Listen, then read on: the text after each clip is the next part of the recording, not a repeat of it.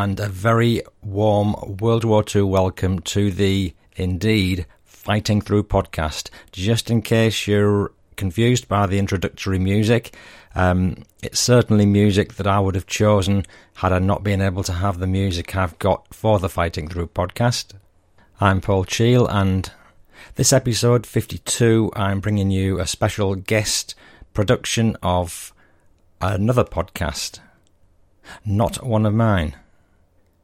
For you, Tommy, the war is over is an oft heard phrase in wartime, and it should be no surprise that today's featured podcast, called For You, the War is Over, is about prisoners of war, their trials and tribulations of capture and escape.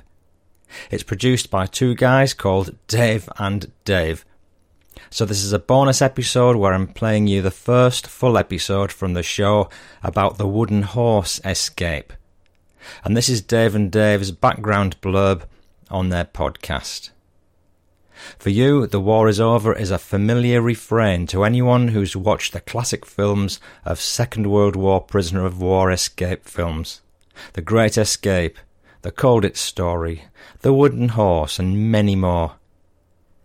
It signified capture, imprisonment, and an expected acceptance that a prisoner's time as an active belligerent was over.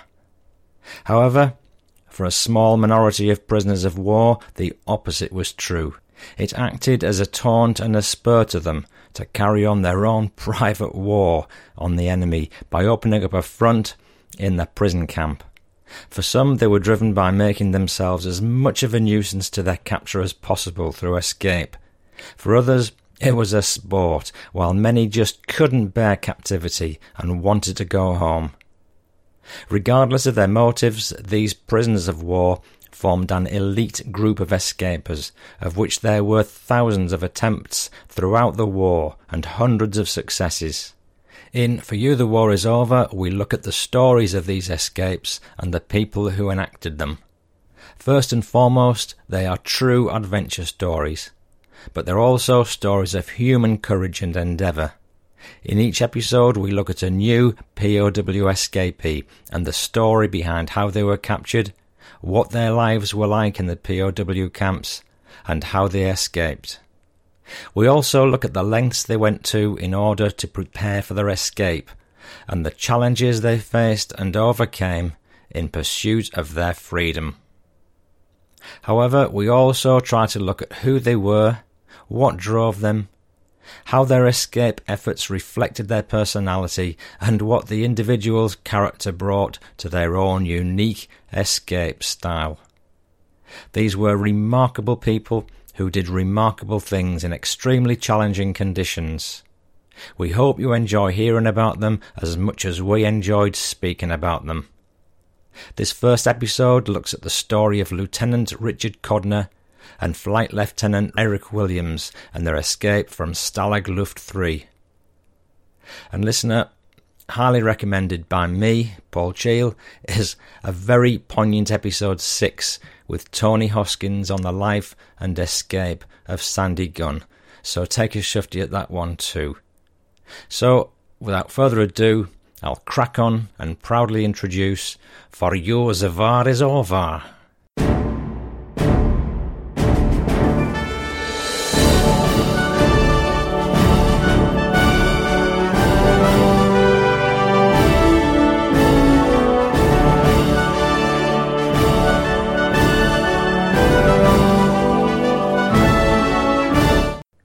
Welcome to episode one of the podcast for you. The war is over, hosted by me, Dave, the history nerd, and by me, Dave, the tech geek. Uh, you can find us on Twitter at uh, FITWIO. I'm so glad you said that. I still can't do it. Which, of course, are the initials for For You, the War is Over. Um, episode one, we will be covering uh, one of the, what I think is one of the uh, most interesting and uh, certainly one of the more famous escapes of the Second World War. We are, of course, looking at Second World War prisoner of war escapes uh, in this podcast. So, uh, yeah, we're going to kick off with the wooden horse escape. Um, Dave, uh, It's a good escape. it is a good escape. It's a fantastic escape. So, uh, yeah, I my interest in this uh, stems from my childhood. Um, I've been fascinated by Second World War escapes for as long as I can remember. I used to read the books when I was a little boy. My uh, dad gave me the books, in fact. Uh, so this is one that I have been familiar with since I was about the age of eight. Uh, so it's a long-standing adventure story in my life, shall we say? So, um, the Wooden Horse, for those of you who aren't familiar with it, uh, took place in uh, 1943.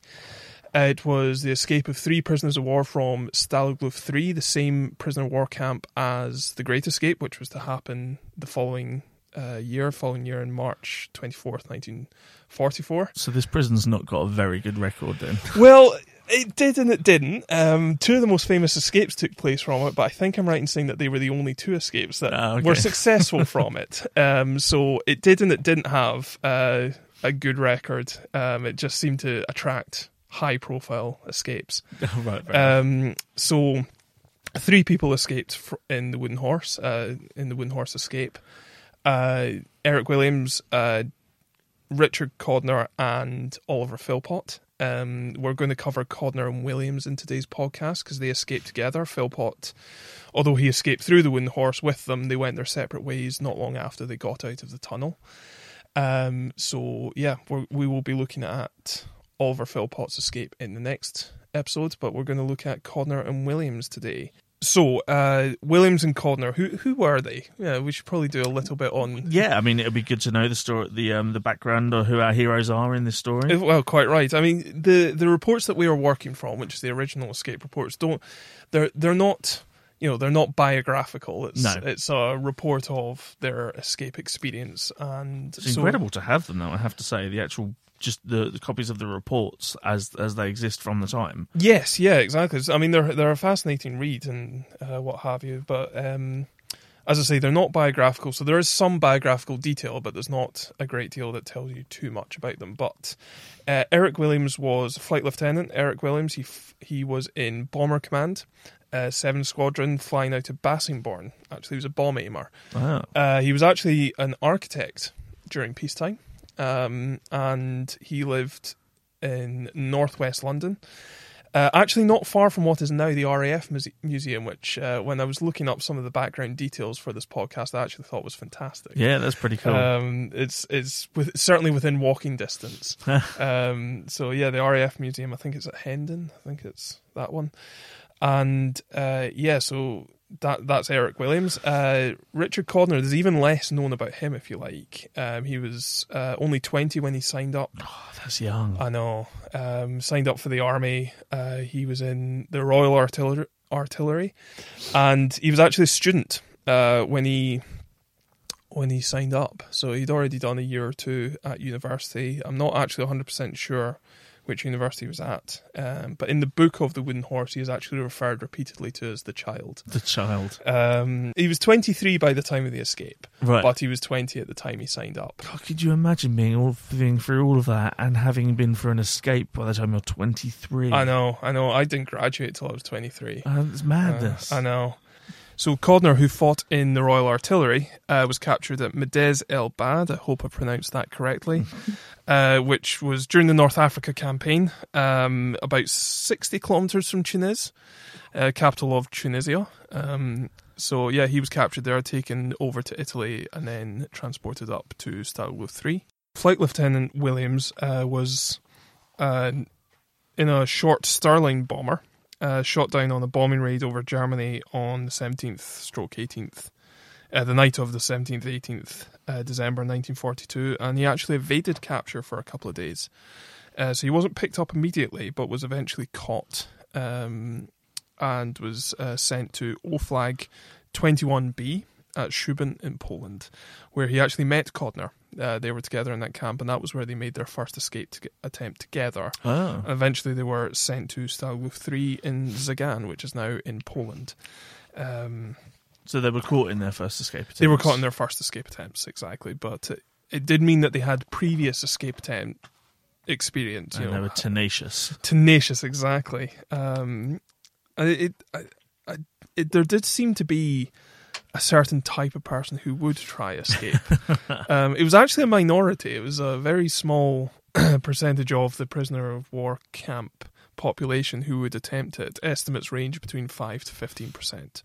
Wow, that's not many people. It's really not at all. Uh, vast majority were only too happy to not be shot at anymore. I guess, yeah, given the choice of being shot at every day or, uh, or being in a place where at least you get security, presumably being a prison, Yeah, um, and food, then yeah. I some mean, people have made that choice. you know, a prisoner of war camp wasn't exactly a luxury holiday. No, but. Um, yeah, I mean, you you weren't on the front line. You weren't being shot at. You weren't being shot down. uh, you weren't being bombed. It, it was uh, relatively safe. It was relatively warm, and it was relatively well fed. In the sense of there was a minimum number of calories that they needed to receive every single day by legal requirement, and they largely did. Okay. These were supplemented by the Red Cross parcels, uh, Right. so they were regularly receiving top ups on that. So they were, as I say, it wasn't Butlins. Uh, it wasn't, you know, it wasn't a holiday camp. I love that your choice to go to is Butlins. Yeah, which I've never stayed in uh, in my life. But uh, you know, it wasn't a holiday camp, but it was relatively safe, warm, and secure. And so Yeah. the vast majority actually took the opportunity to not be shot at for the rest of the war. Even educational opportunities. Uh, you Right. could study for your degree. Um, number of people did. In fact, uh, Tolkien marked prisoner of war camp exams. Really? Did yes. Li- little side note. um, fascinating little side note. He was known to mark prisoner of war camp exams. I wonder whether he drew any inspiration from any of the exams written by the prisoners. the mines of Moria, um, drawn from you know various tunneling efforts. Yeah. Um, so yeah, the, it was a it was a relatively small percentage of the prison population who would attempt escapes, and so yeah, there there's um, it was a certain type of personality, and tenacious is certainly one of them. Um, but we can we can go into that in greater depth in another episode. Uh, it was Williams who actually came up with the uh, wooden horse concept for escape. Um, so maybe to give some background detail. Um, Stalag 3, uh, as anyone who has seen the film uh, of The Great Escape will know, was on a sandy plain. Uh, trees were removed, so it was surrounded by a tree line, but uh, it was on a sandy plain with a whole series of huts right in the middle of any compound. It was made up of four compounds, I believe. Um, and all the huts were located in the middle of the compound, meaning that any tunnels that were dug from a hut had to be round about 300 feet long, which is It's a long tunnel. it's a long tunnel. It's uh, also, by extension, means that it's going to have high engineering and high construction levels. yeah, Um, because something like that would collapse easily, surely. Yep. In order to get around that, um, in the wooden horse, they uh, decided that they would start digging the tunnel in the middle of uh, the exercise compound. So Right. every compound had a space for exercise. So whether that was playing rugby, football, hockey, whatever, or just walking around the compound. In fact, I think I'm right in saying that they even established a golf course uh, in in at least one of them. It might even have been this one. Um, there was an exercise compound, uh, what they called the circuit, and people would walk around it or use it for various forms of exercise. And Eric Williams, who was, of course, familiar with the Greek uh, tragedies and Yep. various Greek stories from a classical education, um, hit upon the idea of the Trojan horse.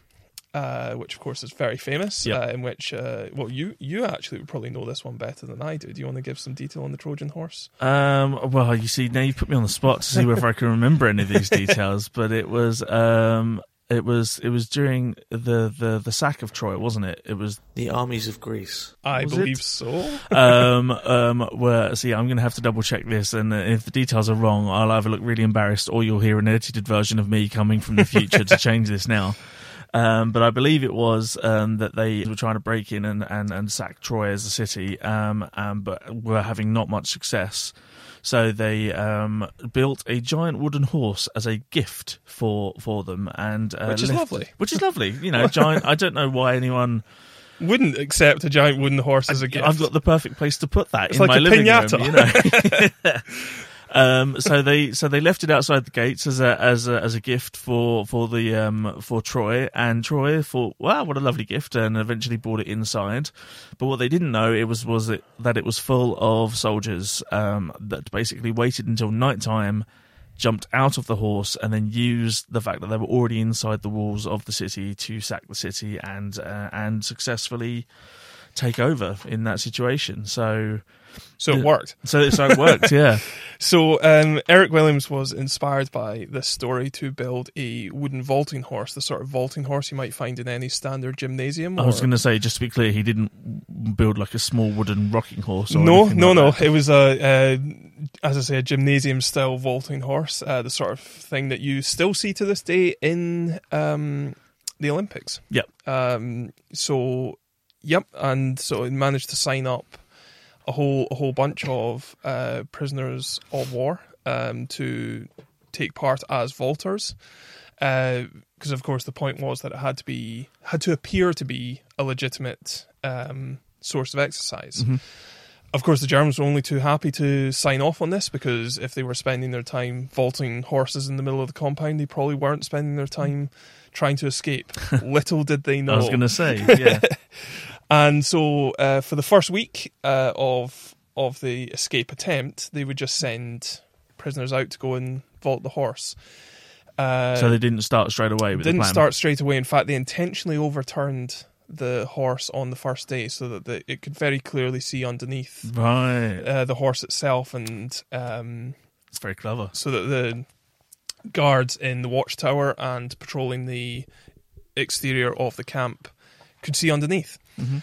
And they, of course, put the horse in the same location every single day.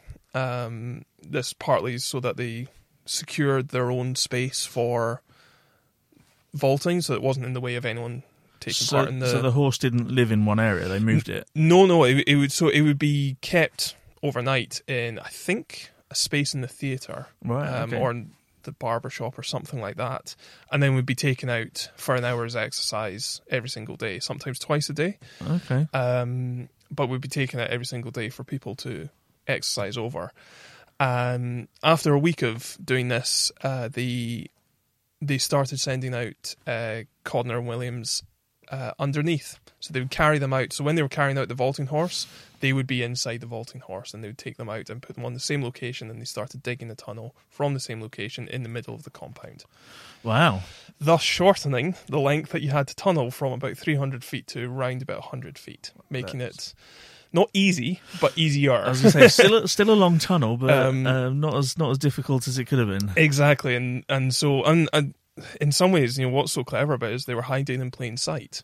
Yeah. Um, you know, they were they were literally if if the vaulting horse had overturned again, they would have found a great big hole in the middle of the compound where there were two people down there digging away. yeah. So they had uh, to be very careful, I had- assume, after that. Had to be very careful, and they had to be pretty good as well. So, Um, so the people that were vaulting then they were they were in on in on the plan, or were Some they were. just, okay. Some were, not all of them were. Uh, some just thought it was a great wheeze, um, just a, a good way of exercise to keep fit while um, stuck in in camp and you know, captivity and what have you. And and then others, uh, certainly members of the escape committee, were in on on the on the exercise and were certainly taking part as vaulters as well. So Oh, okay. not not all were in on it, but some were. Um, and so yeah, it was it was seen as a legitimate sport, but also used for nefarious means. Yeah. Um, because it was a relatively short tunnel, um, they actually managed to complete it in a, uh relative short period of time. Just a, I think it was around six weeks. Wow. That's Um, yeah. That's not a lot of time considering. Not really. I mean, you could only dig so far. I mean, the tunnels weren't. I mean, they were about a. They were only as wide as a person, basically. Mm. You know, it wasn't. Again, if you've seen the Great Escape, they look about five feet wide.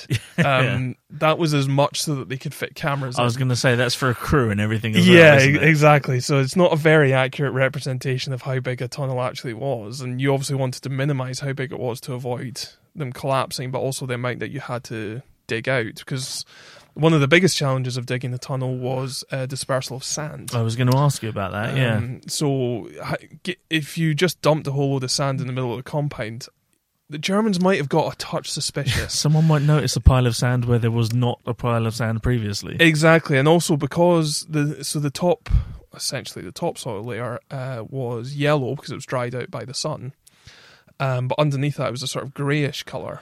But so, so it was noticeably different. It was noticeably different. It was it was yeah. grey versus yellow, and uh, so dispersal of that was very difficult. Mm. And uh, there were various efforts to that, but by and large, on, on this escape, they essentially stuck it in the attic above the theatre. um, uh, as good a place as any because they stored the vaulting horse in a annex of the theatre. They essentially just kind of hid the sand directly above it. They just cut a hole. So, so, so, what did they do? They pulled the sand out from the tunnel, put it into the vaulting horse, and then when Yes, they moved so- it back away. So the horse itself had hooks inside, uh, drilled into the top of the horse on the inside. on the inside, Oh, right, exactly. okay, yeah. And from there, you could hang bags, and they would just fill the bags with sand. Ah, right. And then, as they were carrying the two tunnelers back, or actually uh, sometimes one tunneler, and ultimately in the final escape, there was as many as three. Um, so it must have weighed a ton. You've got to have some strong people carrying it back and forth to make it, Especially after an hour's worth of vaulting. yeah, to, and to make it like appear the same weight going out as it is coming in. Exactly, yes. Because obviously, I'm presuming it would be a lot heavier going back out of uh, Mm. back out into the theatre than it was coming out onto the forecourt. Precisely, it was uh, much heavier, and so when they when they got it back into the theatre building, uh, they would overturn it, take out the bags, and just place hand them directly up into the attic, and they would disperse the sand there. But I mean, by the end of it, there must have been tons of sand up there.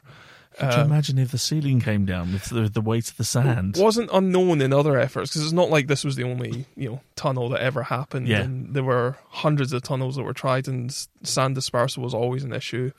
Uh, some people tried to send it down the toilet, and various other efforts like that. And um, and of course, famously in the Great Escape, they uh, would uh, walk around in groups and tread it into the ground so that Mm. it got mixed in. And dug gardens, that sort of thing, to mix it into the garden. There was all sorts of ways that they did it, but in this one, they largely stuffed it into the attic of the theatre. Um, as you were describing that, I'm not sure how accurate this is at all because I'm going to admit it's pulled straight from a movie. but um, I just had um, a picture of Andy Dufresne um, dropping dropping the dirt down from his wall down the inside of his trouser leg and just sort of stepping it into the It court and then leaving. Basically the same thing, yeah. Right. Although you're correct, that is uh, a fictional film, great Yeah. film. Yeah, yeah, great film. Um, but yeah, essentially, it was the same practice. Um, that's precisely what they did. They would have it uh, dropping down the inside of their trousers, and they would just tread it into the ground. But that was other escapes. That was not this yeah, one. sorry, I keep No, no, no, other escapes. Not a problem. There's uh, nothing wrong with segues. They're all um, very interesting. That's why we're doing They- this. They are exactly, and there are hundreds to look at. Yeah. So I'm very excited for to be doing this in 2045. um, so yeah, the they disperse it in the theatre. right. Um, as, as it kind of progressed, they realised they needed a third person to help out with the organisation of the vaulting, some of the digging to re- rotate uh, the tunnelers because it's it's not a very pleasant atmosphere down there. Um, no, I can imagine, and you would have been down there for a period of time. I would have thought. at as least well. an hour at least an hour and you know if you've ever kind of even just kind of crawled underneath your duvet and just breathed for a while it gets warm and it gets a bit stuffy and disgusting and yeah it was like that but without all the luxuries of being able to get out quickly Oh. um, and because it was only a human human body's width wide Yeah. um, you could only crawl in and out the same direction you couldn't turn around Oh gosh, So you had to crawl think backwards. Gosh. um, to get out. So if there was a collapse or anything like that, um, yeah, you were, uh, so, you know, there wasn't quick reactions, if you like. You, know, you couldn't get out that quickly. And I don't suppose if there was something that had gone some wrong behind you, you couldn't turn around to fix it or, or help stop stop something like that. Exactly, and that's that's actually kind of why they brought in the third person, which was uh, Philpott, who we'll touch upon in the next episode. Um, and so, yeah, they brought him in, and uh, ultimately there were three that got out. Uh, can I just ask though a quick question Mm, before go we ahead. move on? Go ahead. Because there's there's clearly more people involved in this escape than the three that Yeah. left. Yeah. So that means they had willing accomplices who were helping them do this, but had no intention of escaping themselves. Precisely, yeah. And To Uh, me, that's strange because you would have thought you would want to be the person who leaves, who gets out. yes, but I suppose this goes back to the sort of five to fifteen percent thing. You know, there were just because you didn't want to get out yourself and risk being shot at didn't mean you weren't willing to help others who were daft enough to make that take that risk. Um, you know the the prison population weren't necessarily against escape efforts. They were they just weren't necessarily wanting to do it themselves, and so you would get willing accomplices who were quite happy to sort of take part in aspects of an escape, whether that's uh, security or dispersal or you know the, the, I keep going back to the Great Escape, but there were only 200 spaces for escape. Only 76 got out, but there were 600 people involved in this in the overall effort. Yeah. The- these were people who were doing all all various aspects of it. Um, But I mean, even even even in the one, even this one we're talking about, presume you know there was only there seemed to be quite a few more people involved with helping carrying the horse out and yeah, and helping organise the vaulting and doing all of that stuff. Who must have been aware of what was happening? So somewhere, uh, certainly the ones who were on the escape committee, and by and large, the rule was that if you were on the escape committee, you couldn't escape yourself because you were because you were the um, in charge of coordinating them. Yeah, The idea was that you weren't allowed to steal any good ideas. right. so if you were on the escape committee, you were largely not allowed to escape yourself. And if you wanted to make an escape attempt and come up with your own idea, uh, you had to resign from the escape committee. Um, that was Wow. largely the rule. I mean, these weren't structural yeah, uh, official structures that Yeah, yeah. existed, but pretty much every serious camp had one. Uh, the senior British officer would be in charge of them, who also largely didn't make any escape efforts. And so, yeah, but as I say, just because you know only five percent or so were involved in direct escape, fifteen percent were largely involved in the overall escapes. But you still had eighty-five percent of the population who were always willing to help out here and there, maybe lend some food or just a little bit of effort here and then vaulting you know some of them it may be that they were a great gymnast at, at school and just Yeah. wanted to stay fit and thought it's a great idea and if it helps someone get out so be it um, such a foreign concept to me because I feel like I feel like if I were in that situation, I would be one of the people who want to leave, get Yeah. out. But then again, I guess I never know because I've never been in that situation, and I, you know, hopefully I never am. yeah exa- Um, exactly and, and nor have I and that was always the question I asked myself as a kid you know, when I was reading these books I was like I always feel like I'd be one that would want to get out but then you if you find yourself in the situation where I don't know maybe maybe you've got family at home and you're just kind of thinking sit it out Yeah, it'll be fine. go go back to a nice career, comfortable home, Yeah, wife and two children.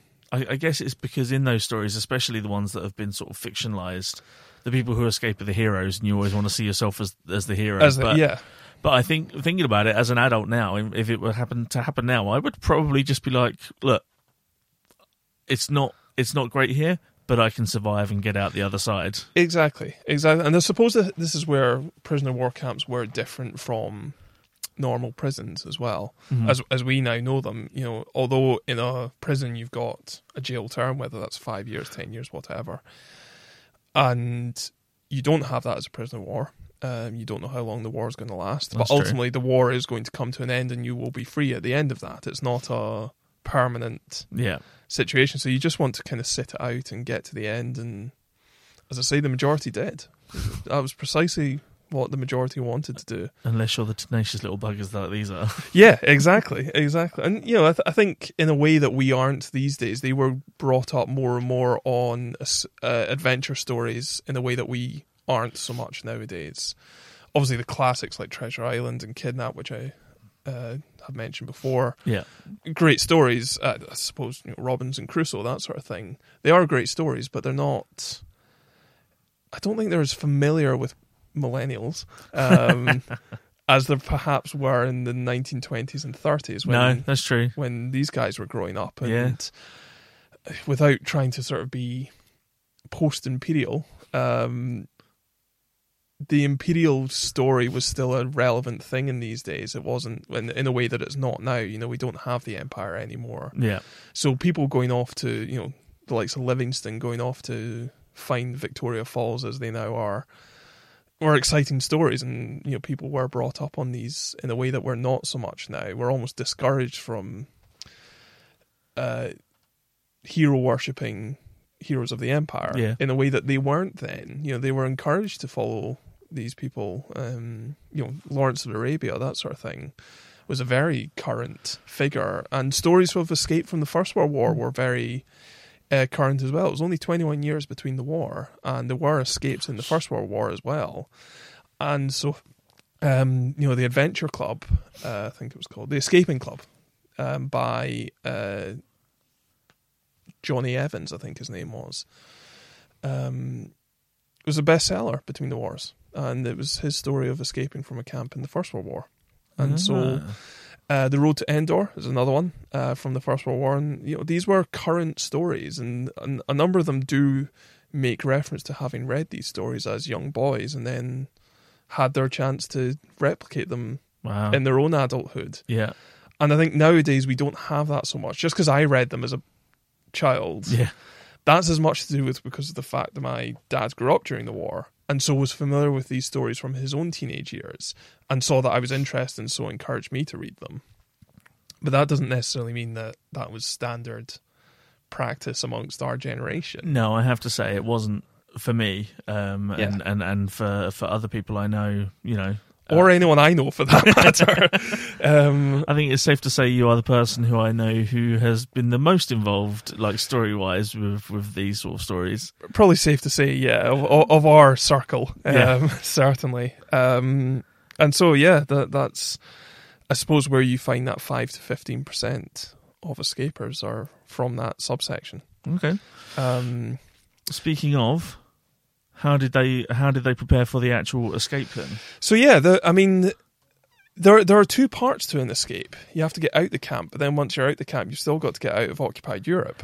Yeah, Which yeah, is- it doesn't just finish once you get out the ground at the other side. Yeah, exactly. And uh, in actual fact, I th- I think the second part was the harder part. You know, you the real work starts once you've got out the camp. Yeah, uh, when in camp, you've got as much time as you like to prepare and dig and I guess yeah. build you- a if- vaulting horse out of Red Cross parcels, and um, you got loads of time. And and I guess if you if you're in the camp and you sort of say to yourself amongst your groups, right, we'll try it today. Something happens and you go, right, we can't do it today. We'll be back tomorrow. Once you've got through and once you've made that decision, you can't delay anything by a day. You can't No, no, relax. You, not you at just all. have to crack straight on with it. E- exactly. And you need you need to get as far away as possible, as quickly as possible, Mhm. um, and often that uh, dictated how people travelled once outside the camp. Okay. But they, all the preparations, of course, took place within the camp. And so uh, you prepare your clothes because you had to assimilate. You couldn't exactly wander around in an RAF uniform during in, in occupied Germany. Well, not not that Germany was occupied, but occupied Europe in Yeah. the middle of the Second World War. If you were in an RAF uniform, you were probably going to be picked up pretty quickly. Um, it's, you know, safe to say. Equally, if you're in a British Army uniform, um, Mm-hmm. Yeah. they might notice it. Yeah. Um, Possibly. Yeah. So you had to find a way to convert either your uniform or some other uh, form of clothing into civilian style clothing.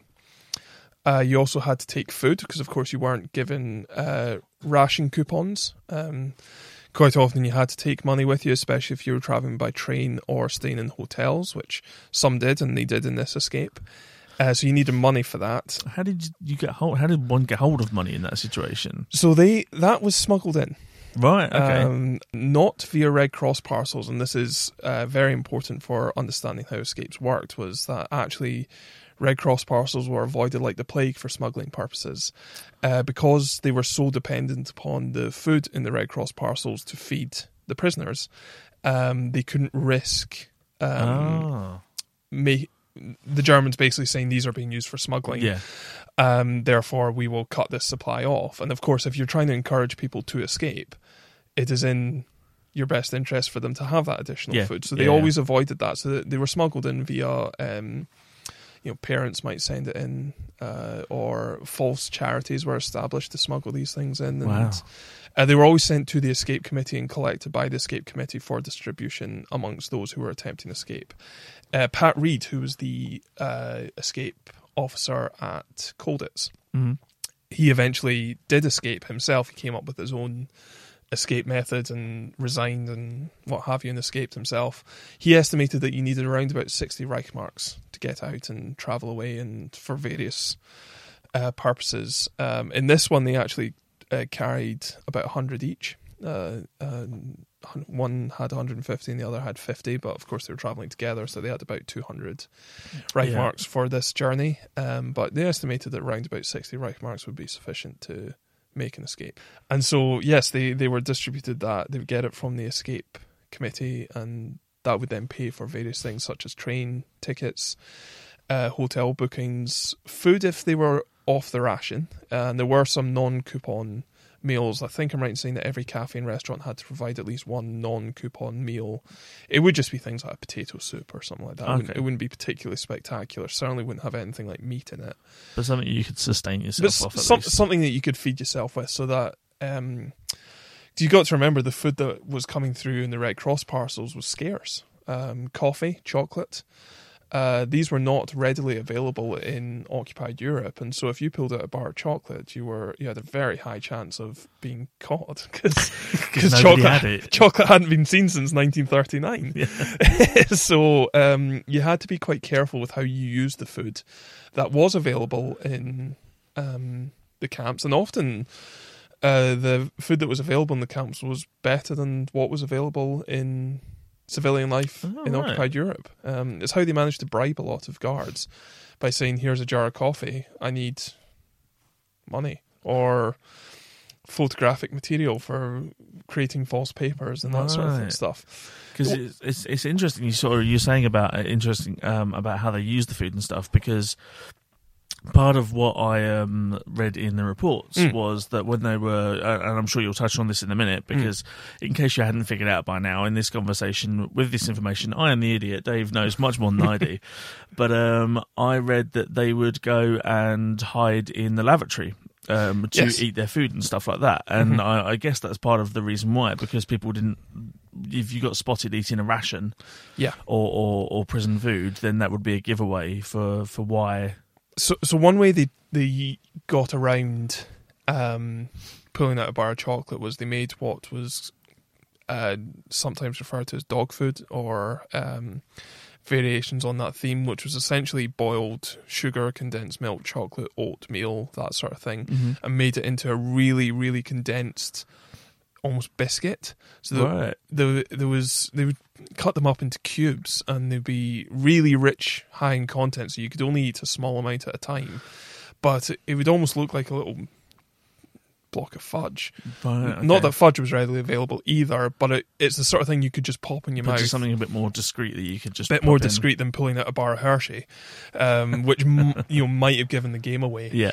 Um, and so yeah, they they could just pop that in their mouth and eat their rations that way. Um, Philpot, who escaped with them, he had worked. I think I think I'm right in saying that before the war he had worked in margarine production, and Ah. so because of his knowledge of the industry, he actually used that as part of his cover. He claimed to be a Norwegian working in the margarine industry in Norway and was on a research trip or something like that. I'm sure we'll cover it in greater depth Yeah. later, but he used his knowledge of that and he had actually been collecting margarine samples so that he he had them as cover, Right. but also to eat. But also to eat. if, Okay. if he just needed something, not that With it's calories, you know. exactly, not that it's the most nutritionally valuable Yeah. of food sources, but it was there.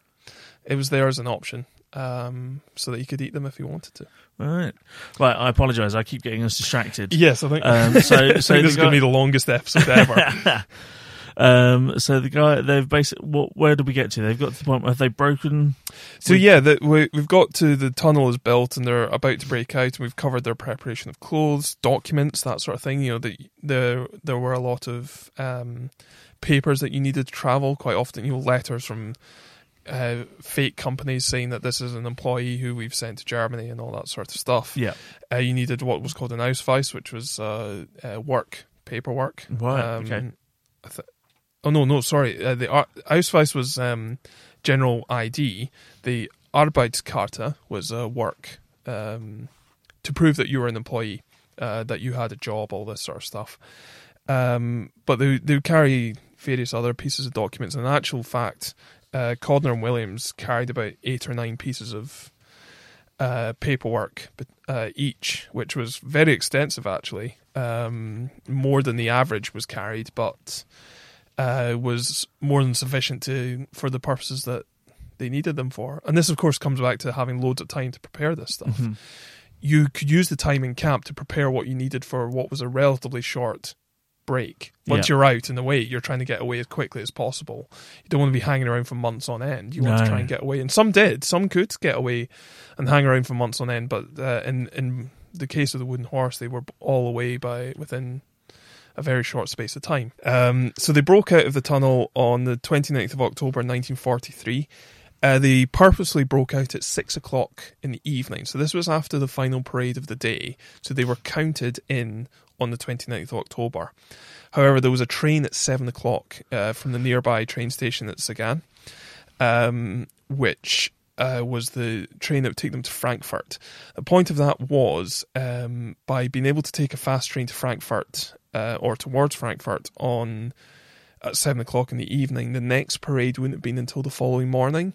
So by the time that they realised someone had escaped and counted and worked out who it was, because they had to go through every single prisoner, Right. uh, cross-reference them with the paperwork that they had in the camp to work out who the prisoners that were escaped. So they know fairly quickly that two or three had got out. but they wouldn't know who it was. Didn't know who it was. So Okay. You you always had a couple of hours bought. Yeah. But by getting away at six o'clock and then getting the seven o'clock train, they bought themselves a significant amount of time because the, it would probably not be until the following appel, as it was known, um, uh, eight o'clock the next morning, something like that. Which by the time they'd gone through all the paperwork, you're probably talking about midday the following day. Well, so you get Before- like a day and a half almost. Um, Well, yeah, an evening and half a day, Yeah, I yeah. suppose, um, in which to get as far away as possible. Now, if you were traveling by foot, you could cover some decent distance in that time, but you wouldn't necessarily have got that far. But if you were traveling by train, you could be some distance away. And in actual fact, I think I'm right in saying that they were, uh, in the case of Codner and Williams, they were actually in Stettin by the following uh, day. so Um, they did well then. they did very well. They got away, travelled by train, and were in Stettin by the time, which is a coastal port. Um, by the time that the the camp probably knew who it was. Now I, I know from some of my other research that um, the initial uh, manhunt, if you like, to recapture people would start at a sort of 10 mile radius of the camp and then it would reach out to 30, 50, 100 miles. But that would take a couple of days at a time. So wow. they were well out of the um, radius of the camp by the following afternoon. By noon the following day, they were well away. Um, so there was a nearby train station, Yeah. um, which of course they, they took and travelled all the way to Stettin. What's interesting from from this one, uh, f- for me, is that although they um, they didn't take a direct train to Stettin, they would take a series of local trains. Right. So they got out of the initial uh, manhunt radius fairly quickly, but after that, instead of taking a train from I don't know Sagan to Stettin, they would go to um, Frankfurt and then to Kustrin and then Stettin itself. So by taking a series of local trains, um, you were in it, in essence taking the train directly to a, a point of high military interest, as a dockyard would be um, raised suspicions, and therefore there was a higher, greater, a greater likelihood of paper checks. So by taking a series of small local trains, no one's really interested if you were heading to Kustrin. Right. It's not an uninteresting place, but it wasn't. But it doesn't have the same. It doesn't have the same military, value, so there weren't the paper checks. There might periodically be one, but it wasn't as high risk, and so you were able to avoid these paper checks. Um, although there were some in the, in this escape, it wasn't. There was less suspicion of them because they were traveling as a local commuter would. hmm Um, you know, not not dissimilar almost from traveling from Clapham Junction to Waterloo. It, it's a standard journey. Yeah. Um, Waterloo may have been your final destination, but you might have taken a circuitous route to get there, Yeah. uh, which increased the likelihood of success Right. Okay. uh, by avoiding being checked. it's almost like they thought about this before they went. It's there. almost like they did Yeah. exactly. Um, so yeah, they got to Stettin within two days um, through this method of travel, and but ultimately spent nearly two weeks uh, trying to find a ship to take them all across the Baltic Sea to neutral Sweden. Wow. So travel that fast to then just be stopped at the end. Exactly. Yeah. Um, there were actually five neutral uh, countries in Europe during the war. Uh, that's it. So your your destinations were a little bit limited. Mhm. Uh, one was Sweden, um, Ireland, Republic of Ireland was one, um, Portugal and Spain, and then of course Switzerland. Mm. Um, so those are the five neutral countries you could travel to. Yeah. Um, everywhere else was either occupied or belligerent. Um, so uh, you could either uh, there were essentially two routes. You could you could uh, if you wanted to try and get to the Soviet Union. Um, that brought with it its own issues. Yeah. and some some did do that, um, but not in this case. So in this case, they they headed towards the Baltic ports and to try and get a neutral ship uh, over to neutral Sweden. Um, so they, they were they were trying this for over a week and staying in hotels and which of course was eating up their money but the whole point was to try and look respectable so that the because if you looked like a tramp you were more likely to be picked up Right. Okay. uh, by the local police they weren't necessarily looking for you as an escaped prisoner of war but you were more likely to be picked up by the local police if you looked like Because you looked out of place or scruffy. Or, Exactly. Yeah. Yeah. So the idea was to try and keep themselves looking presentable. Stay in a hotel, have a shower, have a wash, Yeah. eat food without kind of looking scruffy. You could even, you know press the clothes rather than sleeping in them, Yeah. um, or at least take them off rather than sleeping Yeah. in them, so that they didn't look slept in. And um, but of course that eats up your money. You could only stay in a hotel for a, two days at a time before your papers might be checked by the police or taken away. In which case you were then traveling without papers, so you Oh, had to keep changing the hotels, and there's only so many hotels available, especially in a dock, a a, a dock city where which would be prime bombing Yeah. target. Yeah. So there's a good chance that a number of hotels are bombed out, thus limiting your opportunities further. Um, so sometimes they had to sleep rough. Um, but by and large, they did manage to find a hotel and just kept on moving around. And uh, the other advantage of kind of uh, the way they travel was that they could take a shaving kit with them, Yeah. uh, which then meant, as I say, they could keep presentable. I, I was actually about to say because you were saying about looking presentable and things like that. One thing that intrigued me when I was reading through the report was there was a concern when they hadn't found a place to stay for a couple of days, not because they hadn't slept well or anything like that, but largely because they hadn't had a chance to shave in a couple of days. yes, yeah, and that was I found that interesting because you know if they hadn't shaved then that was a genuine concern of um of getting caught and that I found that quite particularly interesting just that that was a real concern en- enough that it was in the report that they were worried about not being able to shave Yeah, I mean, what what's a small detail for us? You know, we might be required to look clean shaven at work. yeah Is not quite life or death, but you know, you might get recaptured if you haven't shaved in a couple of days. that's yeah that's madness to Ex- me right now Exactly. without the context that's crazy Um, and so yeah, the, there was a there was a need to keep clean shaven. If you were going to travel in that manner, you had to look like you were traveling in that Yeah. manner. Um, you couldn't really afford to let anything slip. And you know, there there were in, there were paper checks, and you know, it was high risk to travel by train, but it also gave you a faster uh, mode of transport than walking, and so you had a better chance of getting away. So it was risk and reward, really. hmm Um, what I find interesting about this escape is how often they use the cinema. Yes yeah that's very true Um, so they would go and sit in the cinema and just. I I think it's this one where they say they ended up watching the same film about three or four times. yeah I think they said four times yeah and they weren't in English either. You know, they didn't have a clue what was being said. I know I did like that. The line I think was something like we watched the same film four times and didn't have a clue what was happening in it or something yeah, like e- exactly. Let's see if I can find it. Um, that. Um, and and you know because I guess that's because a cinema is a good way to hide out for a few hours at a time. You know, you go into the darkened room, watch the movie, um, and you know. The couple of hours have passed while you watch it, so it's a good place to hide and not be searched. Exactly, yeah, and it was dark, so no one was necessarily looking for you. Yeah. um, you you know, it's a great way of just kind of hiding out, and Yeah. it, it's not the only escape that actually this takes place in. There are others that mention this, um, this method of again avoiding you know hiding in plain sight. Um, you're doing what normal people do. Normal people go to the cinema. Um, Yeah. So you're doing the normal thing, but again, this costs money. This is where the you know if you're going to look like you travel in this manner and act like a normal person and act like a local commuter or businessman, this sort of thing, you have Yeah. to be able to spend money like they do. Yeah, yeah. so that's where the money source is quite important. So yes, have, having arrived in uh, Stettin and trying to find a Swedish ship to take them over to Sweden, um, their efforts to try and make contact were always quite interesting.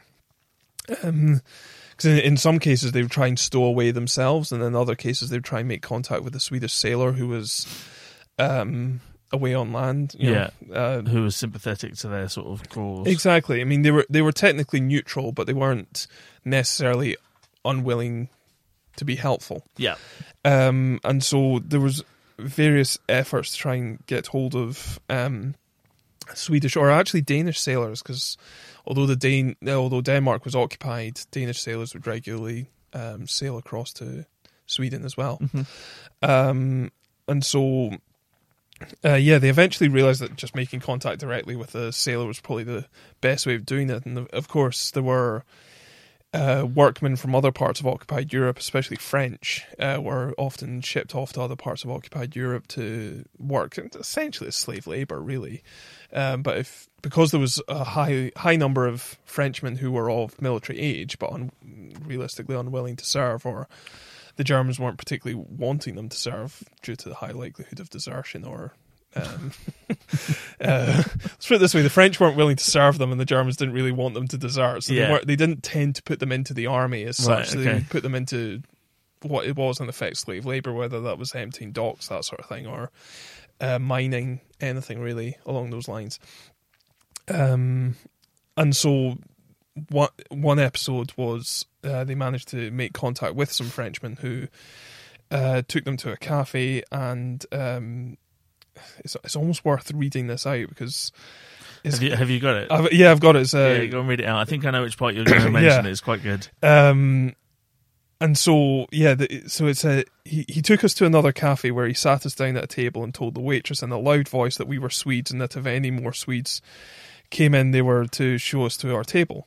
He then walked out, and a German woman came across to us and started to talk in Swedish. Of course, Williams and Codner didn't speak a word of Swedish. No. Uh, Williams immediately mumbled something and walked out while Codner tried to explain that Williams was Swedish and he was French. Um, and then they say it was a nasty moment. But I mean, essentially, you've got a, a wild Frenchman declaring them to be from a country that they don't speak a word of the language in a country that is occupied, that is Yeah. their uh, enemy during the war, and a German woman comes over and tries to start speaking to them in the language that they don't speak. Um, this is a very high risk approach to being and that's and that's all through that the, the Frenchman was a stranger to them. He Hmm. was and and from what I read in the report, it seemed like he was trying to help, but it was almost like when you walk into the room and be like, "Okay, if there's anybody here from this country, come and talk to me over here." And you're like, you couldn't be any more suspicious Yeah. in that in that statement. I mean, they even say he was so obviously a conspirator that he was more of a liability than an asset. um, Someone who's too keen, too eager. and you know, I, said right at the start that what I like about these stories is the little details that come out. Um, I'm sure we'll come to it in, in a much later episode, but the there there's one where a Black Watch soldier was uh, essentially didn't get picked up at Dunkirk, so was walking through occupied France to try and get away via Spain, etc. And he spoke flawless German and French, and ended up getting a lift from a, a German officer uh, to the nearest town. It's just these little details. Wow. That, you know, it's a small episode. It was probably only a couple of hours of what was several weeks worth of escape. Yeah. Um, but it's these details that come out that I just find so interesting because these are true stories. Yeah, yeah, you know, yeah. this this isn't a detail that's been made up for a fictional story. Eh, well, although that's not this escape. So, Yeah. but there there was one one detail in this escape that I wanted to pick out on, which was Wednesday the third of November, and this is this is what the report says. We had breakfast with the colonel and two captains of the German army. All three produced bread from their pockets to eat with their coffee. We produced American ration biscuits, feeling quite in order. Um, and it's just this idea of these two prisoners of war who, you know, managed to book themselves a nice little hotel. You know, Yeah. that probably wasn't spectacular. We're not talking about the Ritz here, but they've booked themselves a nice little hotel. They've gone down to the um, breakfast room for a bit of breakfast and uh, ordered themselves a nice little coffee and ended up sitting down with uh, a colonel and two captains of the German army. I mean, And this and this is a few days into them being there, isn't it? yeah, Where they've this been out about five days about at this point. So they're just sort of sitting there and just like, well, what can you do? Let's just have breakfast with the Germans. Yeah, exa- exactly. And it's, it's, it's these little details where, I mean, in, so, in many ways, it's very high risk. Yeah, oh, yeah, incredibly. Um, and yet they get away with it, and which is all the more remarkable because Williams didn't speak a word of German. Codner spoke it, but Williams couldn't speak a word of German. And God, so they managed to get away wandering around without any German for. In how- fact, the, the only German he mastered, and it, it's uh, they they make quite a big deal of it in the book, and it is actually it's mentioned in this report as well. The only German he ever actually managed to master was the phrase "Ich bin Ausländer." I think I'm right in saying that it means I am a foreigner, and therefore couldn't speak German. So he mastered that, um, and that that was the extent of his German. So I mean, in some ways, he could sit there with a colonel and two captains of the German army and just claim to be a foreigner. The only risk then is if he claims to be French or Norwegian that they actually Yeah. speak that language. But as I said, risk and reward. That's uh, that's what you get when like a Swedish speaking friend from a short while ago. Exactly, exactly. Um, so yeah, I mean they they were in. They ended up being in around the docks for nearly two weeks, uh, twelve days in total. They Gosh, got that's a long time when you when you just want to get out. yeah, exactly. You know, you must you. They would have been running out of money, out of their own food, um, out of hotels to stay in because you Yeah. couldn't just kind of keep circling around. And so uh, they they ended up, you know, at some stage they even ended up uh, spending a night in one of the French uh, work camps. Uh, Really? yeah, yeah, exactly. Um, so yeah, they ended up uh, spending the night there, and I think it was through the Frenchman there that they actually ended up making contact with a Swedish sailor. So of course the ships would be coming in and out, so it wasn't always the same sailor. So you had to try and catch them when they were in, uh, you know, on land out of the docks. Yeah.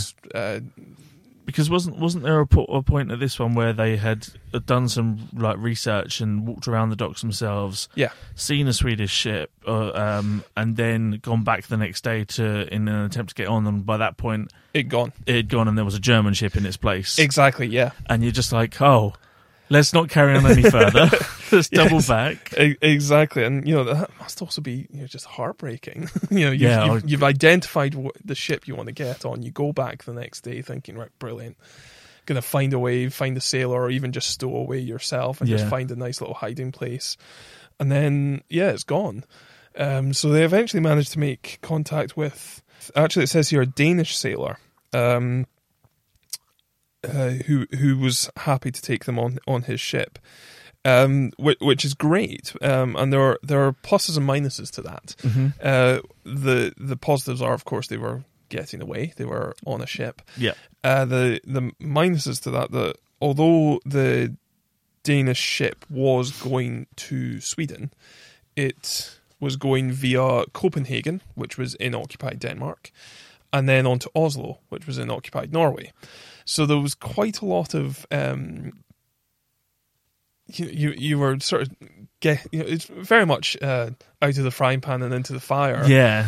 and and then I mean, because would there be searches of the ship and things like that? at every have- single occupied dock, yeah, exactly, and So you've got to find a way to stow away and hide for every one of the searches. E- Exactly, and you know, you weren't just because they were neutral. It didn't necessarily guarantee that they were willing to take them. yeah. Um, Because I, ima- I I don't know this, but I imagine if, if you're like a sailor or someone who works on those boats, you would get approached fairly often by people trying to escape through I, you I, I'd imagine so, but also if you were in the same way now that you know, if if we break the law in a foreign country just because we're not nationals, we've still broken the law and subject to their laws. Yeah. And the laws under the Gestapo were pretty brutal. So if the Gestapo caught you smuggling a British prisoner of war, Hey, you wouldn't want that. the the prisoner of war actually was safe. Um, he wouldn't. He was uh, extremely unlikely to be shot, um, despite a very famous episode. Um, you know, post Great Escape, when fifty Yeah. of them were shot. Uh, that that was the exception rather than the rule, and which is one of the reasons why it is so famous, because it was essentially mass murder. Um, but by and large, so- as long as you could um, show your prisoner of war disc, which proved that you were a prisoner of war, you you were safe. You were taken back to your camp, uh, spend a bit of time in solitary confinement, and then free to make another attempt. Um, the sailor, on the other hand, would be lined up against the wall pretty summarily and shot. Um, so it was high risk. It yeah, was, wow, that's incredibly which is which is why, although they were neutral, they weren't necessarily willing to take them. yeah. Um, and so you either had to find a hiding space yourself, or you had to find someone who was willing to take you. Mhm. Um, and in actual fact, in, in this case, when they got to Copenhagen, uh, they were actually taken off the ship and hidden in a flat, um, I think by the Danish underground. Right. um, which is not uncommon for the sailors to have links to them because obviously the the underground wanted them yeah. wanted their services too. And so uh, they would they would hide they head out in the flat for a day or two in Copenhagen, and then they were taken back to a ship and uh, as I say sailed to Oslo, and then from Oslo they were taken to Strömstad first of all, and then from there to Stockholm, which of course was where the consul, the British consul, was in neutral Sweden, Right. um, where they actually made contact again with Philpot. Oh, really? so Um, they met back up with him. Exactly, yeah. He had uh, successfully got back uh, and made his way to Stockholm as well, and was actually waiting for them. He made an Oh. even. I mean, don't don't get me wrong. As much as they hung around and wait looking for a ship for twelve days, two weeks was a pretty rapid escape. That that was The fact that they got to the dock in two days and then had to be delayed, that's that sounds incredibly impressive. yeah, exactly. But uh, Philpot actually got away even quicker and was. Uh, I think he was in Sweden within under a week, maybe. Let, let me just quickly check that. So I do have it in front of me. If you just give me a second, um, five days. Five days. Five wow. days from escape to Sweden neutrality. That's so fast. Um, yeah, it's very impressive. So he was actually waiting a full, full what, nine days for them in Stockholm. So, um, and and from from Stockholm, they actually ended up staying in Stockholm for about a month Right. Okay. um, until they could organise a flight back uh, from Stockholm. They'd fly from Stockholm all the way back to quite often uh, Scotland. I think I'm right in saying that they flew into RAF Leuchars, which is in Fife near St Andrews. right. Okay. um, and then they'd come down from Scotland. Exactly, because it's the nearest landing spot. Yeah. If you go uh, over, over Scandinavia, I guess. Yeah. Straight. Yeah. um, although Norway was occupied, it was a risky flight, as these things always were. Um, there were ways of you know you could fly back, um, and yeah, so they quite often land in Scotland, and in this case they landed in RAF Leuchars, and not not long after Christmas. So I imagine they got uh, 29th of December 1943. So I imagine they kind of rushed off to spend Christmas with their family, or at least have some sort of celebration with their family. I would hope so. Yeah, yeah. Um, and so, yeah, the, one of the reasons I, I wanted to start on the wooden horse, a number of reasons. First of all, it's a very innovative escape. You know, to to manage to dig a tunnel from the middle of the compound. Um, When people are watching you every day, exactly, that's crazy. it's uh, you know, it's in many ways it's ingenious. You Yeah, know, it's, it's one of the cleverest escapes I think from the entire war. Um, that's not to say there weren't other examples of escaping genius that took place, um, but I, I just think it's one of the most intelligent, innovative escapes that took place. As I say, by digging the tunnel right in plain sight in the middle of the compound and getting out, and then getting away so quickly. Um, just it, it's got so much going for it. I, I just find it so interesting, but also uh, it was one of the um, first escapes that was to be published after the war. So the Okay. first version of the book was published in 1945. It was then rewritten in 1949 and published in 1949 under the title of The Wooden Horse. The first version was known as Goon in the Block, uh, a goon being a derogatory term for a German guard right. uh, amongst the prisoners of war. Um, so Goon in the Block was the first version of it in 1945, and then that was rewritten That's so quickly after it finished. very quickly afterwards, and uh, so it, it kind of established quite an early precedent in the post-war narrative of escapes, Mhm. and so it was a good place to start in that sense. Um, because of that, it was also one of the first films that was produced, and you know, I mentioned the Great Escape, but there were a, number of escape films that were made, such as the Colditz Story, uh, the Great Escape, of course, and the Wooden Horse. I mean, the Great Escape is one of the later ones. It was uh, released in 1963, which is still only 18 years after the end of the war. I mean, it's not it's not long, but uh, so when you know in that context, the film The Wooden Horse was released in 1950, so only five years after the war, only one year after the book was published, and in actual fact, there were prisoners of war who were extras in the film. Really? Um, That's fro- quite interesting. From from the original camp, uh, Yeah. that some people who were doing the vaulting in the film were well, prisoners the of war. vaulters from the prison. Oh, wow, that's incredible. I believe actually, I believe so. Um, maybe that's an urban myth, um, but it, but it's on the IMDb trivia, IMDb I- trivia. I Uh, choose to believe that that's true. it, it must be. If it's on IMDb, it must be true. because everything on the internet is true. Yeah, exactly. It's uh, flawless. Um, and and so it, it's set an early precedent in terms of published uh, escape stories, but then of course it had the impact of being one of the early films as well. Yeah, and uh, so and it was also one of the first books that I read in terms of the escape stories. I mentioned earlier about how I read these when I was a young lad, and it was one of the very first books that I read, and so I've been familiar with this story from about the age of eight or nine, and so it seemed very appropriate to have that have the wooden horse escape as the first episode of the podcast for you. The war is over.